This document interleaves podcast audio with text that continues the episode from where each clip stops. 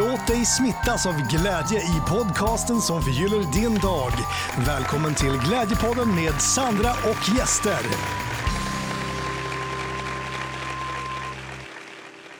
I det här avsnittet så får vi hälsa underbara Ida Hillebjörk välkommen tillbaka till Glädjepodden.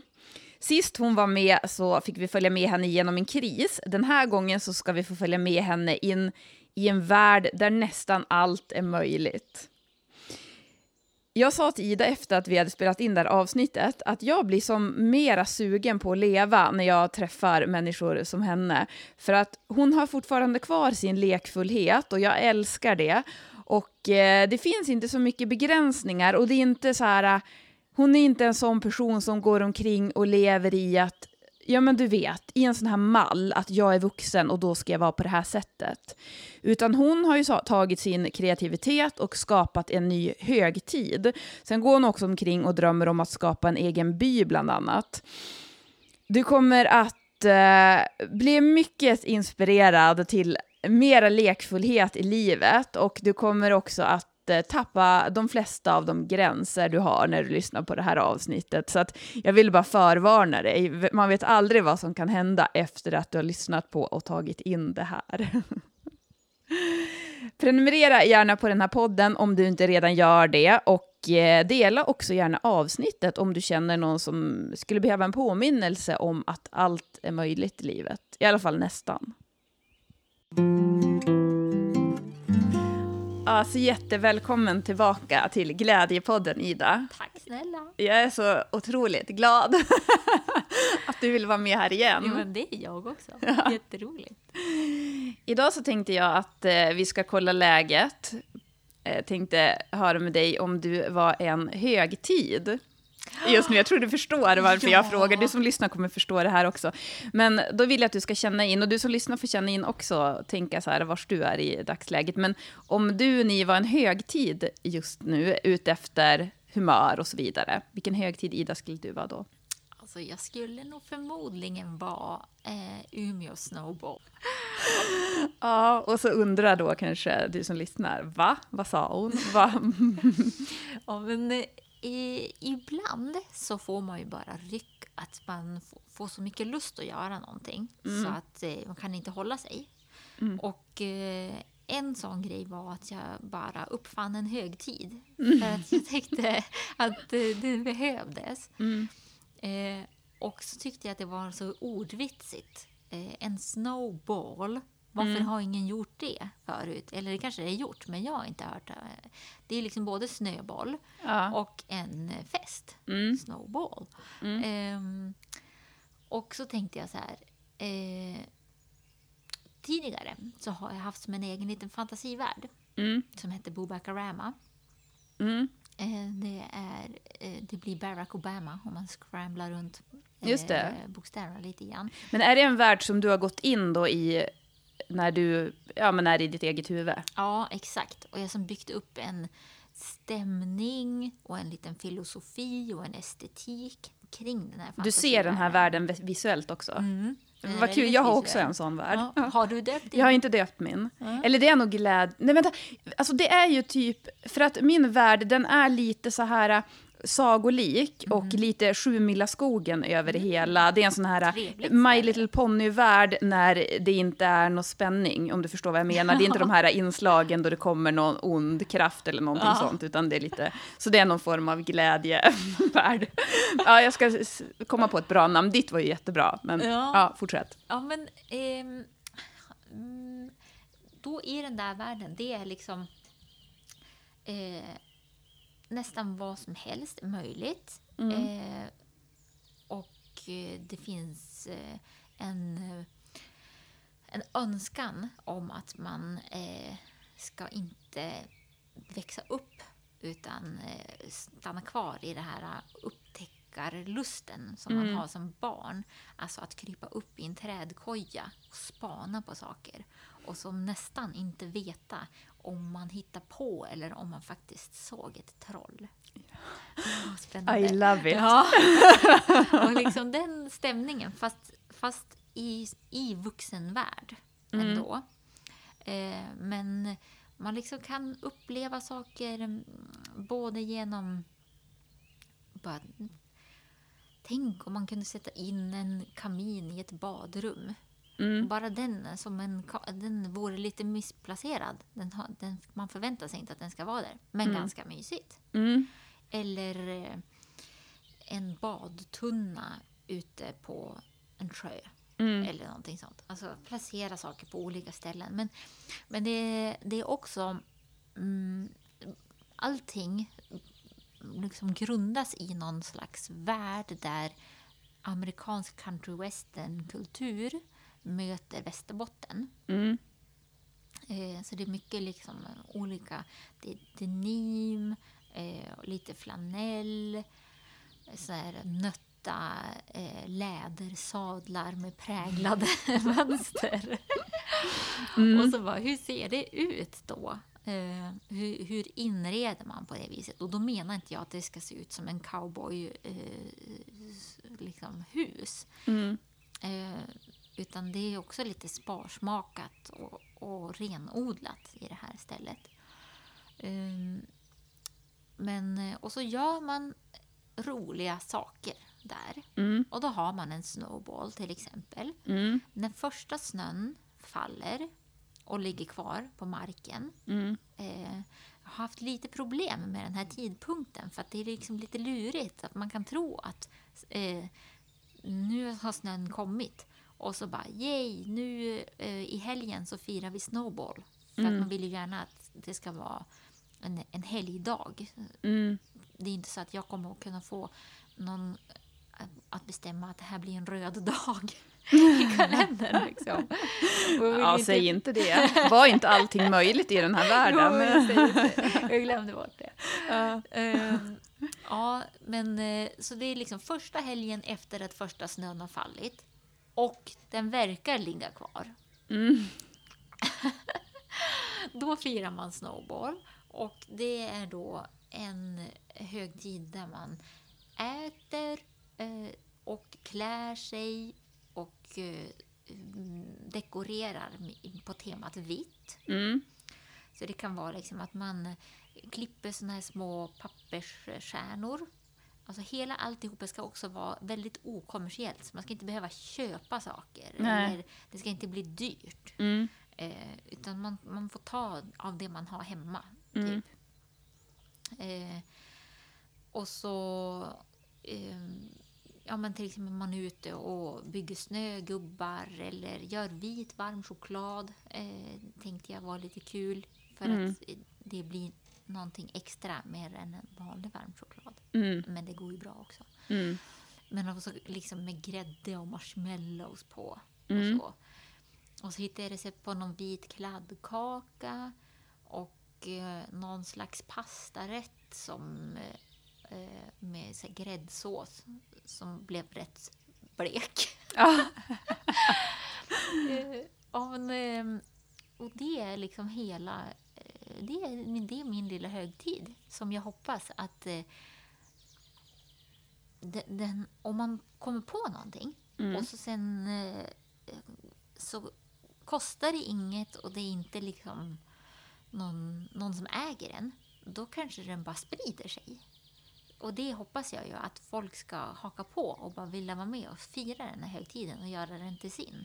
Och att vi tillsammans skapar eh, traditionerna kring det här. Lite grann, jag skulle vilja komma på någonting som på våren så har vi ju här i Umeå när eh, isen smälter på älven så brukar de sätta ner en kanot med några flaggor på och så ska man rösta eller eh, um, vad heter det? inte rösta, man ska skicka in eh, tip, tipsa om när man tror vilket datum det ska passera, typ kyrkbron tror jag det är. ja, men just det. Ja. Eh, och det blir ju som en grej som hela Umeå bara, ah, vad tror du? Ja, jag tror eh, 5 maj. Vad tror Ja. du? Ja, jag tror tredje. Mm. Mm. Eh, och det är som kopplat då till det här med årstidsskiftningarna också. Eh, det är ju, händer ju då på våren och en snowball händer ju då förmodligen när vintern kommer. Ja. Eh, och att man liksom firar in det här. Men det är också bara för att få en liten extra högtid i den här mörka säsongen. Och i mitt huvud så är det fortfarande så att snön kommer någon gång i november, december. Mm. Men det har ju förskjutits lite grann de här senaste åren. Så det, det kan ju hända att den här högtiden inte kommer förrän i januari. Men jag tänkte först att nu, eller det här året som var, då, den här vintern, då borde det ha varit i oktober. För jag kommer ihåg att det började snöa ganska ordentligt i oktober. Men det var ju inte, alltså, då ansåg du, kom du ihåg det? Ja. Det var alltså inte eh, snö som skulle ligga kvar, tänkte Nej, du då? Så det var precis. inte... Nej. exakt. Regelverket säger ju att det enligt prognosen Ja. ska se ut som att det ligger kvar på marken åtminstone över helgen. Mm. Eh, det, det är den senaste uppdateringen av paragraf 1. Men alltså, jag vill bara förtydliga här nu till dig som lyssnar. Ida, du har alltså skapat en ny högtid. Ja, precis. Det, det tycker jag är ganska bra bevis på att man kan göra precis vad man vill Ja. i världen. Alltså det, ja, vad man vill som gör andra gott, kan man ju säga. Ja, precis. Man får inte göra dumma saker. Nej, men äh, vi pratade om när du var med här sist, det här med att tvivla på sig själv och bara, men vem är jag och göra det här. Och det är sådana tankar som jag tänker att många har. Och jag tyckte det var bara intressant att höra att du hade de tankarna också, för jag kunde känna igen mig i det. Men det är också så här, det är bara så, så kul att, ja men, du har startat Ja. en egen högtid. Ja, men då tänkte jag så här. För eh, som jag sa då, den här började med att jag tänkte att den skulle heta så här Boobacarama Snowball. Eh, och liksom bli ett sätt att få med folk in i min fantasivärld också. För att den är väldigt rolig att vara i. Mm, ja, ja. Och också kanske eh, få fantasivärlden att faktiskt eh, sammanflätas med den verkliga världen. Mm. Det var ju lite grann det jag är ute efter. Det är därför jag vill ha ett ställe och liksom göra till det här.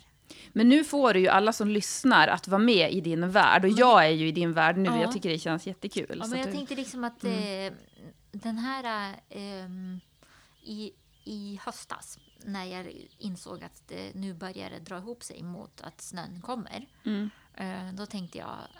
eh, Tidigare har jag kommunicerat via min Instagram, eh, min Eljest Instagram. Och liksom bjudit in kunder att bara, okej nu är vi med och firar snowball. Eh, men nu hade jag ju inte det. Mm. Och så tänkte jag, ska jag bara släppa det? Mm. Eller vad ska jag göra nu då? Och då bara kontaktade jag VK, alltså Västerbottens-Kuriren, Mm. och sa att jag har gjort en högtid. Eh, kan ni skriva om den? Mm. Och jag kände mig ju rätt konstig när jag gjorde det. Mm. Men jag tänkte så här samtidigt, alternativet är ju att det inte blir någonting. Mm. Ehm, och, och att man inte ehm, försöker göra det här extra, eh, lite konstiga, roliga. Mm. Och det, det var jag, tyckte jag kändes som ett nerköp. Så att jag tänkte att för mig är det värt att kanske framstå som lite konstig och lite eh, för mycket för att eh, få göra det här som roligt. Mm. Eh, så eh, ja, det Du har ju lite- haft en butik i några år som heter Eljest, som betyder då på norrländska att man är lite konstig. Så att Ja. det, är, det är bara att köra på på det. Jo, precis. Det var ju det som eh, var tacksamt med att, vara, att det var en, en del av kontexten. Mm. Men Men jag, jag tänker, jag, jag kanske kommer undan med det fortfarande. Eller hur? Ja. Men så tänker jag att det var, visst var det Erika på VK som hade skrivit? Hon Ja. är, känns ju ganska öppen för väldigt sånt här. Så att fin, väldigt eh, snäll. vi passar på att tacka henne också, för det var hon som tipsade mig att jag skulle ta kontakt Ja. med dig. Jag har ju bara vetat lite vem du har varit, men det är inte så att vi har känt varandra. Så att därför så, jag hade inte kommit på det själv kanske. Och, Nej. så, Ja, tack, tack, Erika. ja, men den här högtiden, den kom då 2020. Ja, då blev den liksom eh, eh, att jag försökte få med mig Umeå att, eh, att fira den här med mig. Tidigare var det som... Jo, det var ju att jag ville ha med mig folk och göra det också, men, men då, då kände jag att det var mer kopplat till mitt företag på något vis. Och det blev ju ofta så. Eh, när man har ett företag så, så blir det att folk kanske uppfattar det mer som en PR-grej. Mm. Eh, och, och nu kände jag att det, det kunde uppriktigt vara att jag bara ville visa att jag vill ha med mig folk och fira den här. Mm. Jag hade inga baktankar med det. Nej, exakt. Men då firar man alltså den olika beroende på vilken stad man bor i. Ja, det måste ju bli så att det Mm. blir liksom säsongsanpassat. Eh, jag fick faktiskt, när jag skrev om det här, eh, att nu är det dags att fira. Mm. I helgen är det eh, Umeå Snowball. Eh, då var det en tjej som jag är lite bekant med från Piteå, tror jag, som skrev Vi är med här också. Ah, ja, Så det vore underbart. väldigt roligt om det blev som en grej som kunde få sprida sig till, ja men tänk i, i Malmö. Men det var får de snö där? Ja, men jag tänkte det är Ibland. stackars Malmö då, för Mm. att de får kanske inte fira den här. Fast jag tänker att det där kanske regeln kan vara lite annorlunda, att det kanske bara behöver komma någon flinga där. Ja, det man, man får göra sådana lokalanpassningar av regelverket. Det tycker jag med. Det måste man ändå kunna göra. För vi pratade lite om det innan, du och jag, att det här... Oavsett corona eller inte så lever vi ändå i en värld som behöver mera ljusglimtar och mera glädje. Mm. Och eh, ja, men inte minst nu, men jag tänker generellt ändå. Så Mm. att så här, men ju mer grejer man har att fira och... Exakt. Och så tänker jag att det är som en... Det är roligt med såna här familjehögtider. Eh. Ja. Att det kanske inte... Eh, många gånger när man arrangerar någonting då kanske det är liksom ett vuxenarrangemang. Kanske en konsert mm, på kvällen och folk dricker öl och så. Mm. Men det här går verkligen ut på att eh, alltså man skapar ju som sitt event själv. Mm. Eh, I sin familj eller med sina vänner eller hur man nu vill göra det. Eh, det är på dagtid och det handlar liksom om att umgås och leka och eh, hitta på saker man kan göra. Både på, med snö men också bara generellt på temat med vitt. Mm. Alltså vi, spellista, hur låter en sån? Mm. Ehm, och ja, men, eh, de här grejerna jag nämnde som är matrelaterat. Men folk får ju komma på exakt vad de vill. Tänk Ja. vad roligt! Och så bara tillsammans, om man då skriver hashtag Umeå Snowball, då kan vi som följa varandras eh, firande och inspireras av varann. Och det är det som jag hoppas skulle kunna bli liksom att man att vi tillsammans samskapar traditioner kring att när snön kommer i Umeå så hittar vi på såna här saker. Men kan vi inte skapa en till hashtag också, bara snowball? Jag tänker Ja. för de som inte bor i Umeå, för det här är ju såklart att det ska ju vara över hela Sverige. Mm. Undrar om det kanske finns ganska många redan. Snowball. ja, men exakt. Ja, men... Eh, alltså, vi får, vi får ju bilda en projektgrupp för det här. Ja. och faktiskt eh, tänka igenom det lite grann. Man Ja. måste ju, det, vore, det vore ju jätteroligt eh, att man skulle kunna följa varandras oavsett vilken stad man Ja. bor i. Det Eller så heter det Umeå Snowball, och så får det som ändå, för då får ju som Umeå firas lite. Jag vet inte. Jag tror att det skulle vara svårt att få folk i Borås att fira Umeå snowball. Ja, men det är sant. Det kanske är det. Ja, men, eller, men s- sin stad, alltså hashtag Borås Snowball då. Ja. Det är Jo, ju, men exakt. Ja, det är ju Ja. så, såklart så Men då måste vara. man ju gå in på alla olika hashtags. Mm. Skellefteå snowball. Ja. Men då kan man, om man är från Borås, då kan man hashtagga både Borås Snowball och Umeå Snowball, så att du ser då, eller? Ja, fast vad- vem, vad, vem bryr sig om att jag ser? Det är ju inte jag som... Men Eh, vi skulle ha haft en generell eh, eh, hashtag. Men Men vi kan ju i alla fall peppa dig som lyssnar att följa Ja. Ida Hillebjörk. Jag eh, skriver det i poddbeskrivningen, din Instagram, för då får Ja. vi följa utvecklingen där. Ja, men också tänker jag att om man nu eh, skulle vilja fira Snowball 2021 Mm. eh, och vill dela med sig av det här Mm. och bara, men jag hörde ju på Glädjepodden det här. Då kan man väl bara hinta till oss Mm. så kan vi tillsammans hjälpas åt att komma på vad den här hashtaggen ska vara som vi samlar allting under. Mm. Exakt. Mm. Det Bra, det bestämmer vi. Det bestämmer vi. Ja. Okej. Men jag undrar så här, om det är nu någon som sitter och lyssnar som känner att de har så mycket kreativitet. Alltså jag skulle, eller först, jag blir så peppad nu så jag kommer på flera frågor samtidigt. Jag börjar med, jag tar en fråga i taget. Men först, jag tänker att alla människor är kreativa. Ja. och sen att det tar sig uttryck på olika sätt. Att jag tänker att det även är kreativt att sitta och hålla på med siffror. Det kan man ju tycka är väldigt så här. Mm. Men det är också en form av kreativitet. Vad skulle mm. du säga om att alla människor är kreativa på ett eller annat sätt?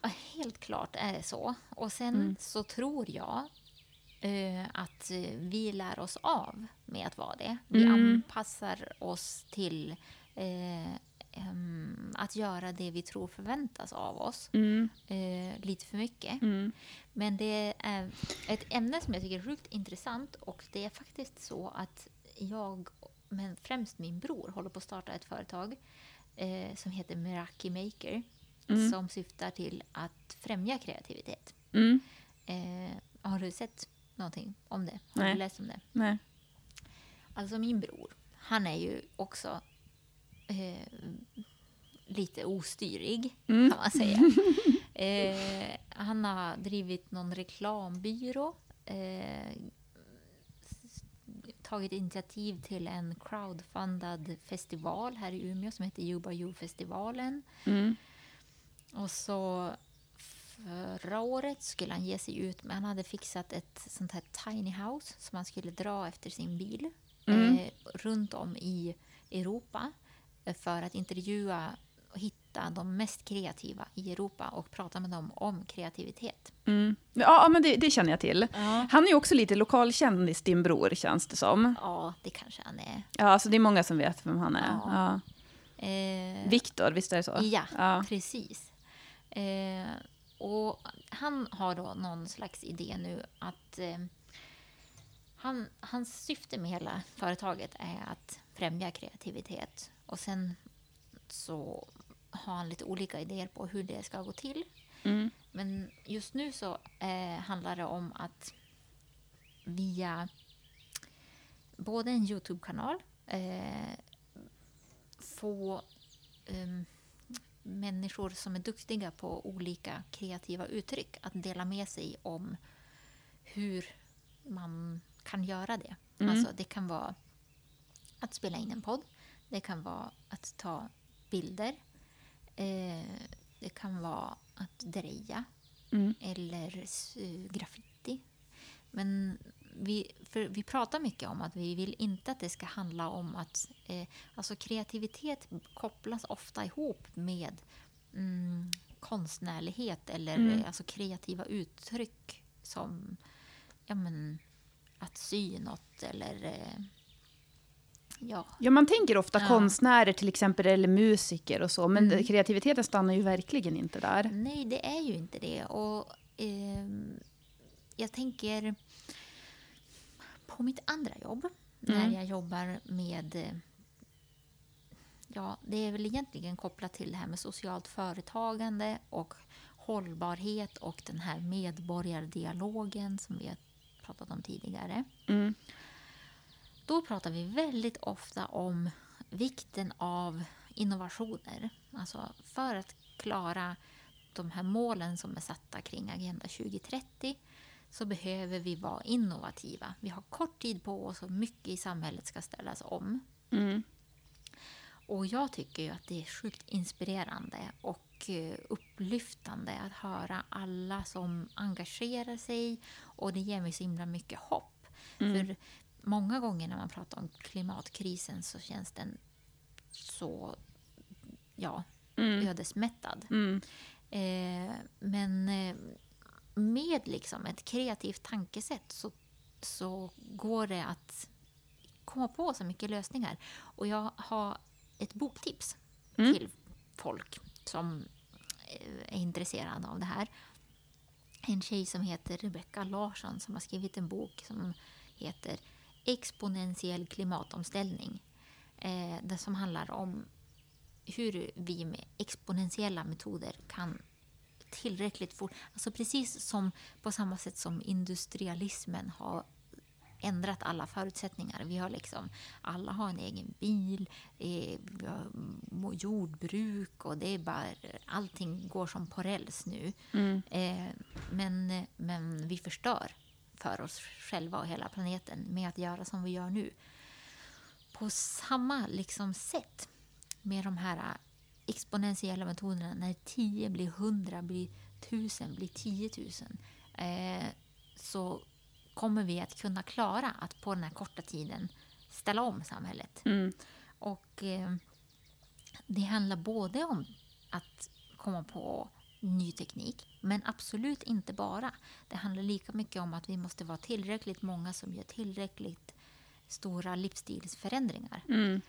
Eh, och det tänker jag är den här att inte vara så mm, mm, fast i sitt tänk. Ja. Att ha ett, ett kreativt tankesätt om hur världen faktiskt den kommer att bli annorlunda. För vi kommer att behöva ändra hur vår livsstil ser ut, vilken mat vi äter, hur vi reser, hur vi bor, hur vi bygger, hur vi planerar städer. Mm. Jag vet inte allt, men liksom, mycket kommer att behöva ändras. Mm. Eh, men att inte låsa sig fast vid att det kommer att bli sämre för att vi måste sluta med en massa saker. Precis. Utan hur kan vi med kreativa tankar visualisera en framtid som faktiskt är bättre? Mm. Det känner jag, eh, ja, det brinner jag för. Men jag tänker att när det kommer just till klimatkrisen, då tror jag att vi måste göra det på ett hoppfullt sätt, för att annars får vi ingen inget engagemang i det. Det blir som att, det är precis som du säger, att man tänker mycket att det är så nattsvart och då känner man sig inte engagerad, för då är det redan kört. Men om man ändå gör det på ett hoppfullt sätt så... Och så har vi fått lite hjälp nu eh, alltså med coronan. Jag tänker på till exempel det här med, en sak som jag har tänkt på det här med resandet, det är ju att vi borde ju ransonera det. Vi har ju sett ändå vilken skillnad det kan göra för miljön när man inte får flyga nu. Så behöver man ju inte heller, precis som vi pratade om i förra gången, det ska ju inte vara så att alltså, alla måste vara absolutister när det kommer till allting. Nej. Men om man börjar med att vi får ett, en bättre balans, att vi ransonerar. Och det är sånt där med ra- ranson som, även om det inte införs i samhället, så kan man ju göra det för sig själv om man vill ta det ansvaret. Att, ja, men jag vill kanske åka utomlands en gång per år, men då kan jag åka en gång per år då. Och så kan jag åka tåg om jag ska åka inom Sverige, eller liksom hur man nu vill. Ja, alltså jag tänker att det, ehm, en idé som jag har fått, apropå kreativitet, men, och att inte veta sina gränser. För att jag har ingen aning om det här är möjligt och det finns säkert massor med eh, liksom utmaningar med en sån här grej. Men jag tror inte att jag är ensam om att svara bra på ehm, mät, alltså att kunna mäta vad man gör för någonting. Mm. Eh, Så jag tänker så här, tänk om man kunde på individnivå.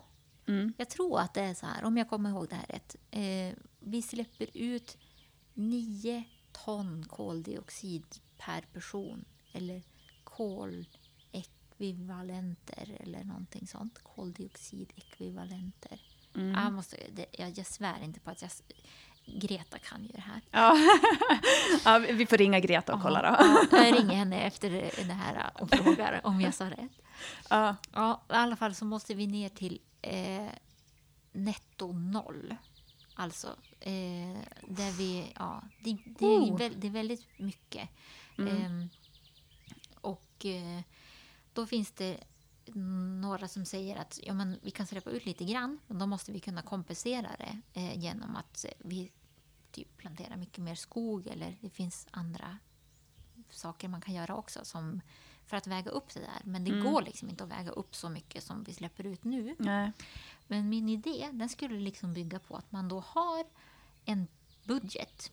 Precis som man har en pengabudget. Man kan ju inte spendera mer än man har. Mm. Och om man då hade en budget på sitt koldioxidutsläpp och så fick man då själv känna så här, jag vill lägga mitt koldioxidutsläpp på att åka till eh, Thailand. Mm. Ja, men jag vill lägga mitt koldioxidutsläpp på att äta kött. Mm. Eller, ja, jag vet inte. Mm. Eh, och, och skulle man då... Jag vet inte hur man skulle kunna mäta och redovisa det här. Men jag tänker att det, det borde gå. Vi har ju liksom företag som redovisar alla sina eh, minsta inköp. Om man köper en take away-kaffe för 23 kronor så ska ju den bokföras. Ja. Och det är ju ett rätt stort intrång i människors privatekonomi. Mm. Att liksom, eh, men tänk om en sån kaffe hade en, den kostade 23 kronor. Mm.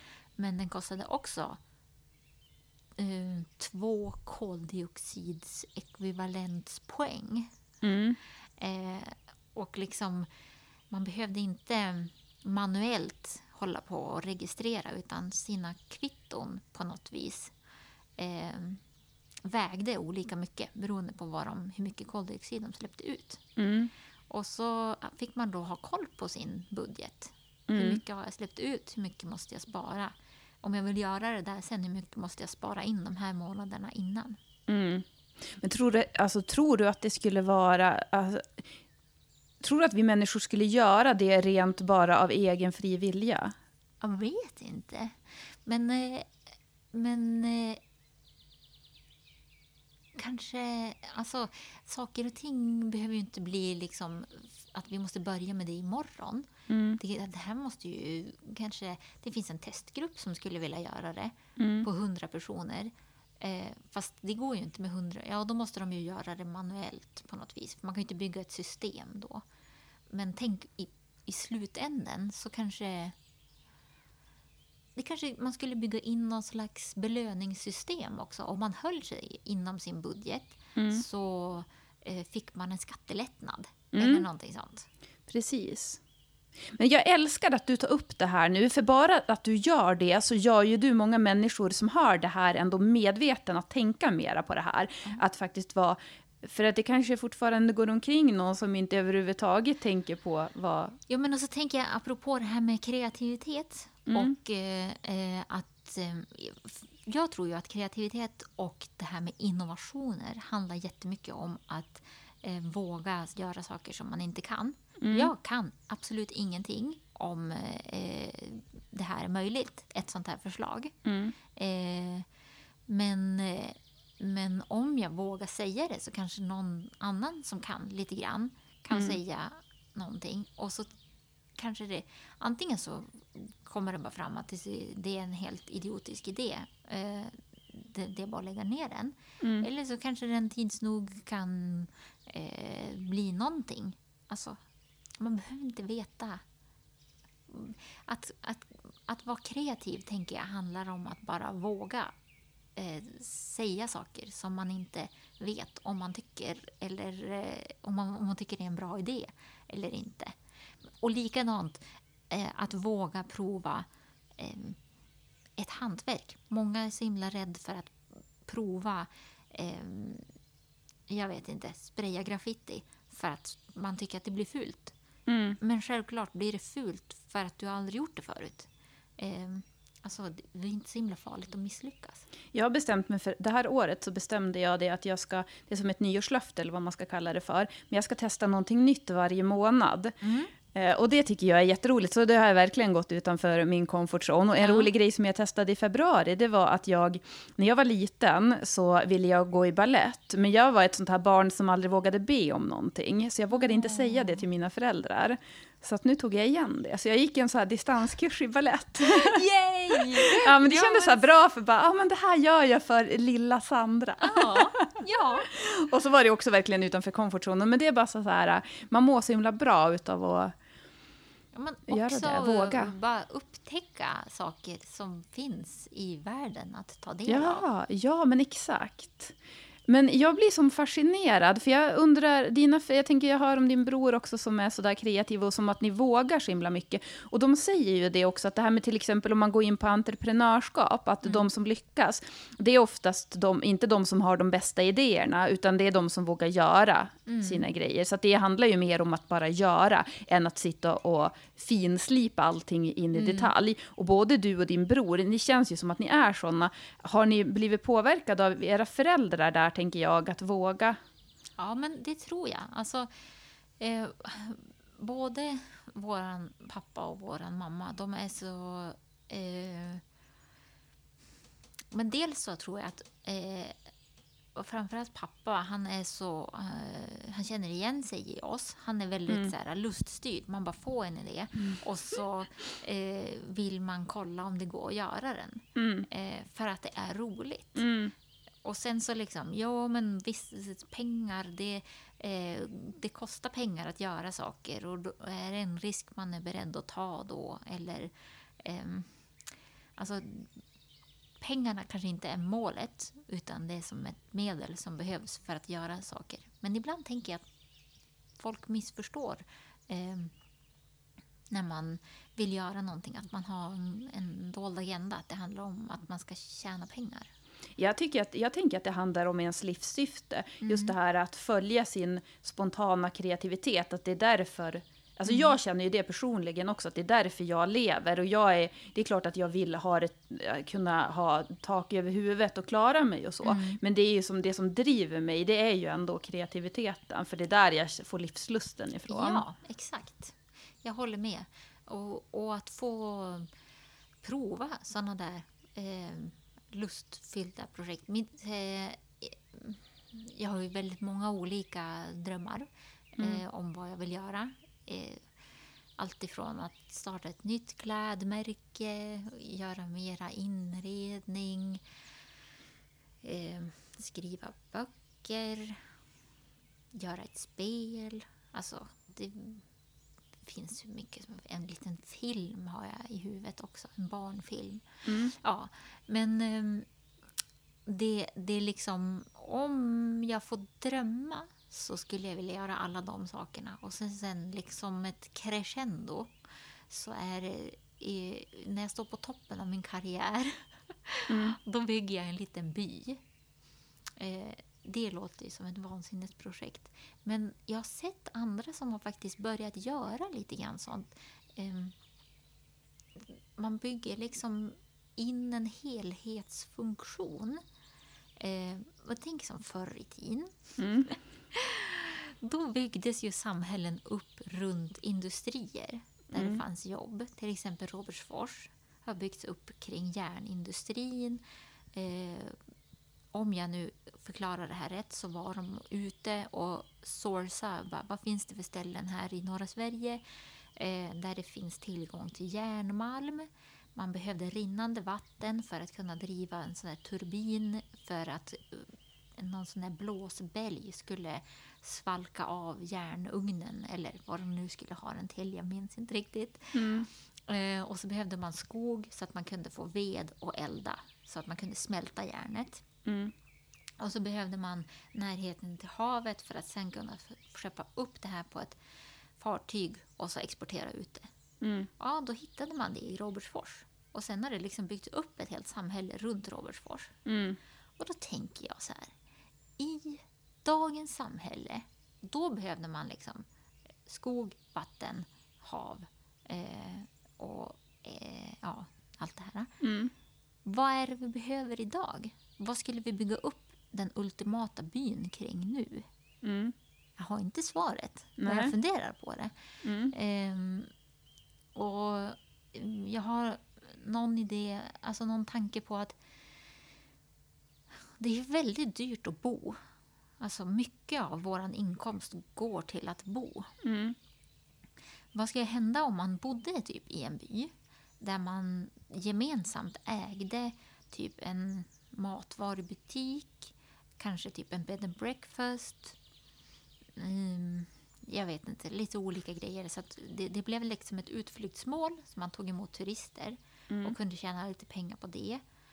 Uh, och ja, men den här matbutiken också. Och, ja, nu kommer jag inte ihåg riktigt alla saker som jag har tänkt på. Men, mm. men och, istället för att det då finns någon aktieägare som tjänar pengar på de här verksamheterna om de går med vinst, mm. så går de till communityn mm. för att hålla nere sina bostadskostnader. För att kunna leva ett friare liv. Alltså, man kanske inte bor i en stad där man då har mm, det, den livskvaliteten som staden kan erbjuda med liksom all typ av komfort och service som finns i en stad. Man har ett annat liv. Eh, man lever lite enklare kanske, men friare. Mm.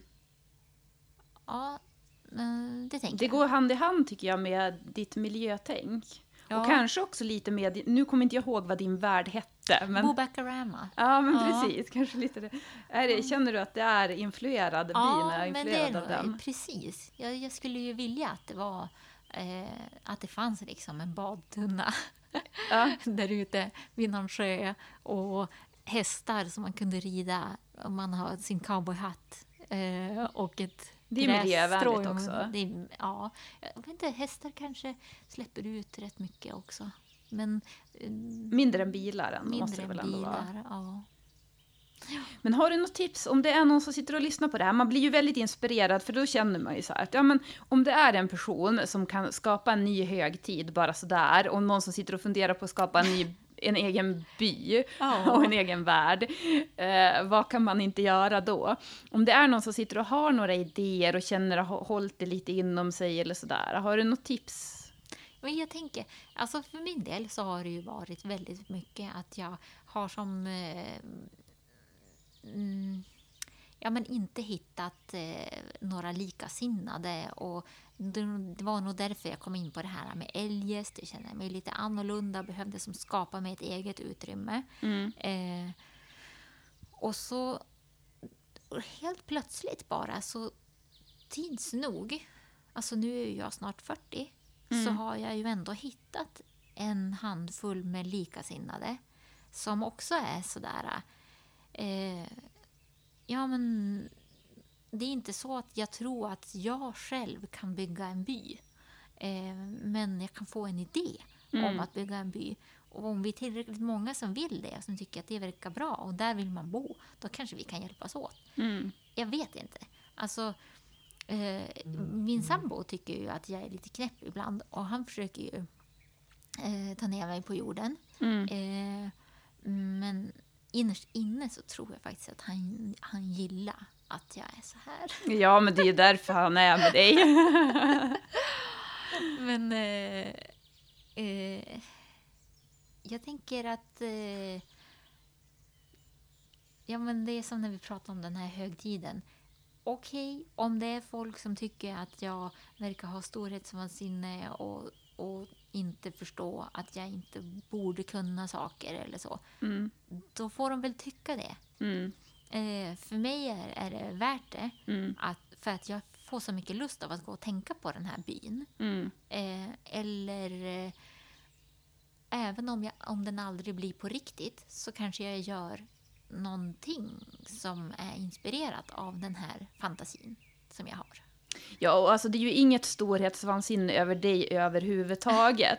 Men sen så är det ju alltid människor det tycker så mycket i den här Ja. världen. Så i min värld, den här glädjevärlden som jag har, där tycker folk inte så mycket. Men det var det jag menar, att eh, jag är som, så glad att... Eh, eh, och, och jag kommer inte ihåg vad du, vad du frågade, men om det är någon som sitter och har såna här idéer, Mm. eh, då tänker jag så här att eh, jag vet inte hur man hittar likasinnade.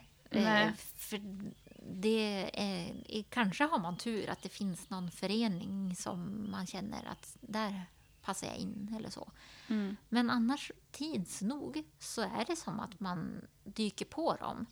Och så i en stad i Umeås storlek så är det ganska sannolikhet, stor sannolikhet att de kanske också känner varandra.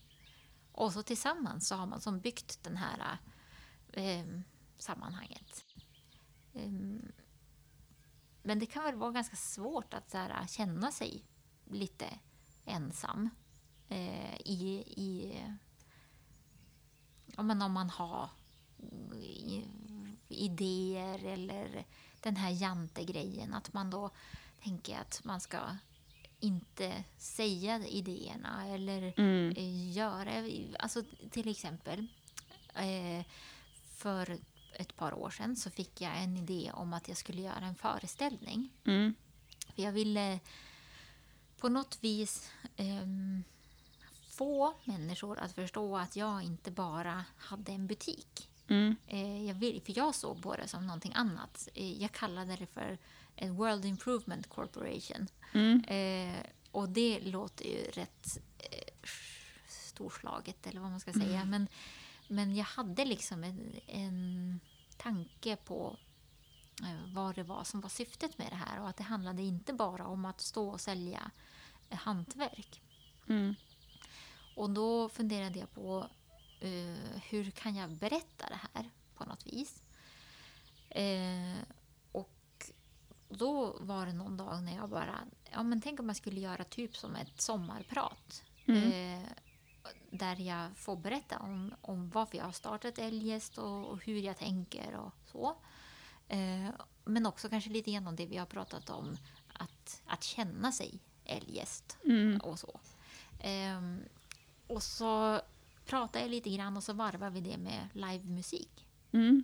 Helt fantastiskt. Ja, och så tänkte jag bara, men det kan jag ju inte göra. Alltså hur självupptagen kan jag vara? Att jag liksom förväntar mig att folk ska betala för en biljett för att komma och lyssna på mig när jag pratar om mig själv. Mm. Eh, och så var det som ändå att jag triggades av att eh, jag inte ville låta den här jantegrejen eh, få mig att avstå från... För jag, jag vart ju peppad. Mm. Alltså jag såg framför mig att det skulle kunna bli någonting bra. Mm. Mm, och då bara tog jag kontakt med eh, Elit Hotell Mimer. Så frågade jag, kan jag få vara hos er i typ september eller när det nu var eh, och, och boka en lokal och göra en föreställning. Mm. Och så tog jag kontakt med en tjej som spelar jazz, frågade om hon ville spela. Och så bara bestämde jag att jag skulle göra det där och så tog jag hjälp av min brorsa. Vi bollade, vad- jag skrev något slags manus. Och jag kände mig jättekonstig hela tiden. Alltså bara, men är, vem är jag? Varför gör jag en sån här grej? Ehm, men jag gjorde det och, och jag är fortfarande lite chockad över det. Chocken har inte riktigt lagt sig. Hur kändes det Eh, efteråt då? Ja, men eh, det blev något slags antiklimax för att jag hade som tänkt att det skulle kännas jättebra och eh, att jag skulle vara stolt över mig själv. Men eh, jag blev mest eh, utmattad och lite tömd. Mm. Eh, och jag tror att det är därför som jag fortfarande är lite chockad. Men du testade i alla fall. ja, exakt. Ja, men, Du följde ju den där inspirationen. För jag tänker så här, jag tror att det är så sjukt enkelt så att om man känner så här att man är peppad på någonting. Är det min mobil som låter? Ursäkta, jag trodde jag hade flygplansläge. Ingen fara. Ja, nej men jag tänker att det är så pass enkelt så att om man känner att man är peppad på någonting, Mm. då ska man följa den inspirationen för då är det rätt. Att det är enkelt, alltså helt enkelt Ja, men bara... alltså mer glädje, tänker jag bara. Ja. Det som gör en glad. Eh, och alltså jag vet inte riktigt. Det, det kom ju en del personer dit ändå och Ja. köpte en biljett. Mm. Och eh, eh, jag det var ju som ingen som sa gud vad dåligt. Nej, Men jag tänker också, okej, det kanske inte blev eh, superlyckat eller så blev det ganska lyckat. Jag vet inte. Jag vill tro att det ändå gick bra. Eh, men eh, det kanske inte blir eh, entertainer jag ska bli. Men jag fick träna på att stå på en scen. mm. Och det gav mig jättemycket erfarenhet som eh, jag hoppas att jag kommer få ha nytta av till exempel när vi ska ha det här eh, medborgareventet när jag tänker mig själv i rollen som någon slags konferencier. Mm. Så att, Ja, nej men det är ju fantastiskt. ja. Bara följa. Ja, eh, jag tänker du ska få några avslutningsfrågor här också som alla brukar få i den här podden. Mm.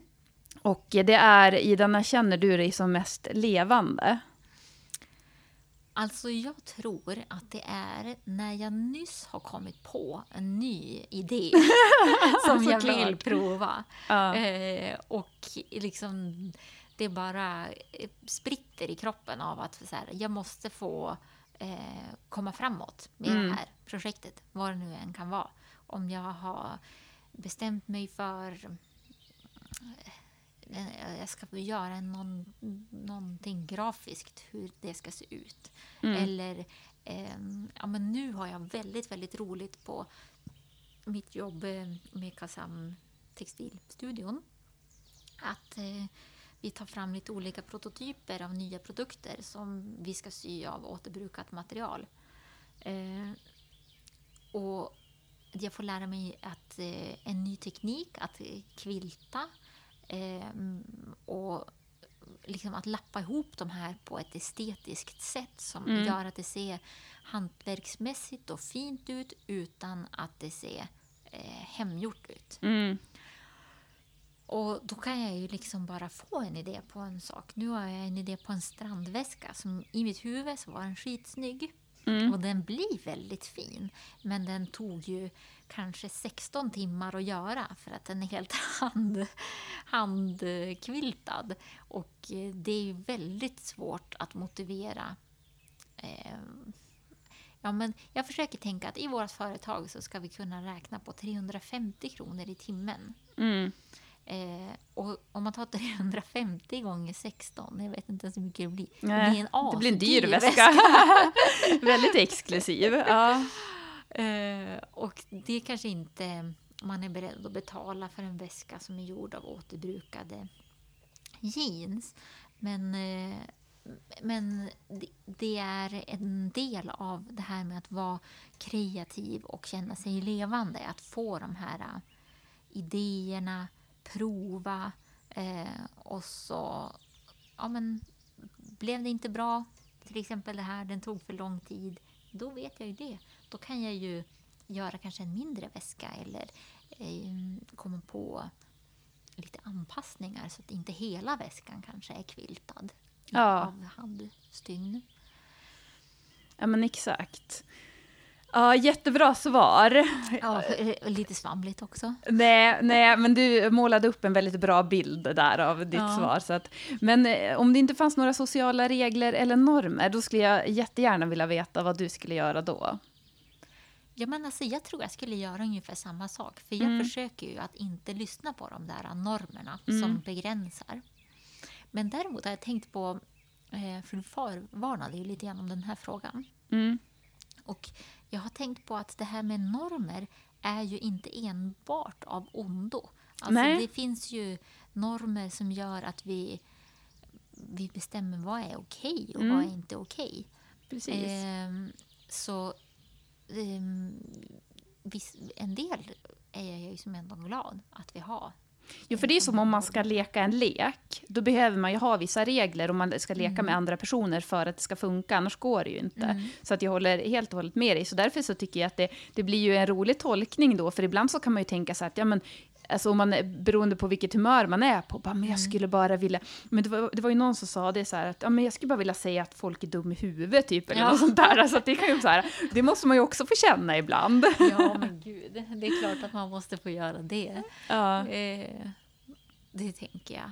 Men och, ja, också bara en själv kan man ju känna att man är dum i huvudet ibland. Ja. Men eh, så där är det ju. Det är ju bara en del av livet att man måste få göra det. Men, eh, men jag tänker just det här med normer, det är ju bara de normer som man inte vill ha.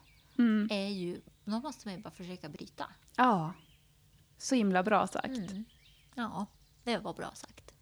Vet du vad jag tänkte på? Jag tänkte så här, jag blev så himla sugen. Du vet när man var liten och så sen så skulle man umgås med någon. Det var inte som att man då bara, du vi träffas klockan 14.00 och fikar. Eller så här, vi går och tar en promenad på 5,2 kilometer. Utan man gick typ rätt ut i skogen och typ klättrade över stenar och kanske byggde en koja om man kände för det. Eller man gjorde bara det man kände för.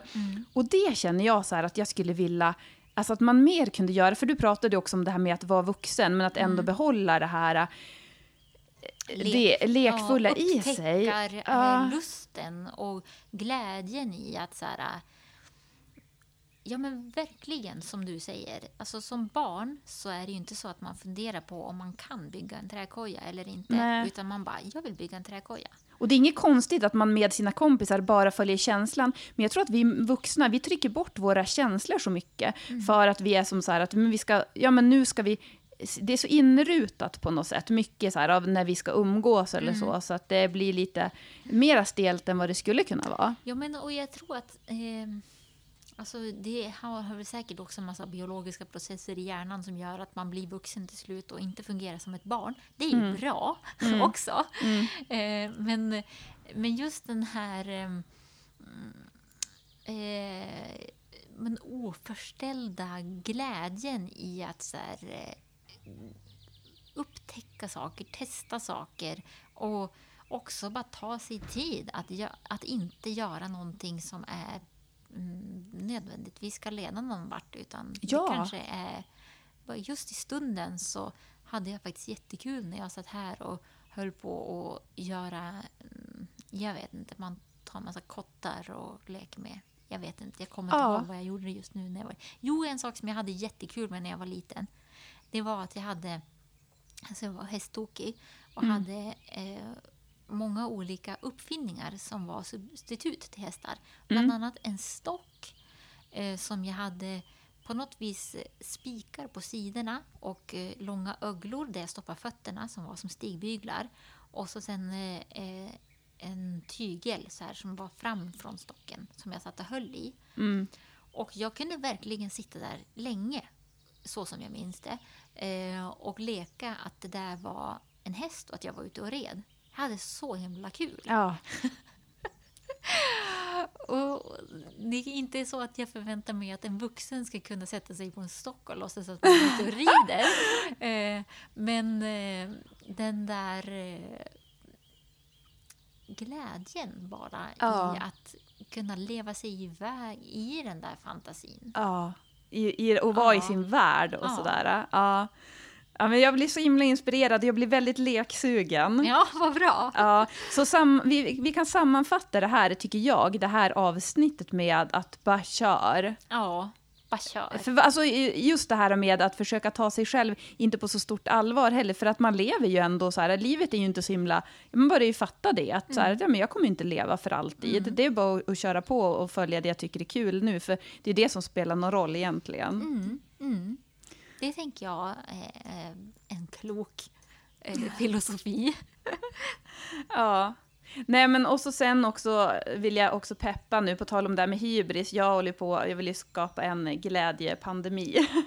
Ja, Så då vill jag också peppa alla som lyssnar att ut och sprid glädje. För kan vi alla tänka till på det lite extra bara så kan ju det ge jättestor skillnad. Mm. Och så tänker vi på våra eh, koldioxidutsläpp. ja, det var boom. Boomer. Vill du tillägga någonting innan vi säger tack och hej? Eh, nej, men det tror jag inte.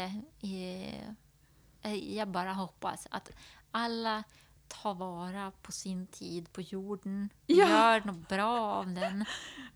Eh, lämna världen lite bättre, kanske. Ja, bara genom att man själv har roligt så lämnar man ju världen bättre, för då kommer man ju smitta med sin glädje. För glädje smittar. Så är det. Mm. Ja, tusen tack Ida. Tack själv. Och Det var tack. jättekul att få prata. Alltså det var så roligt.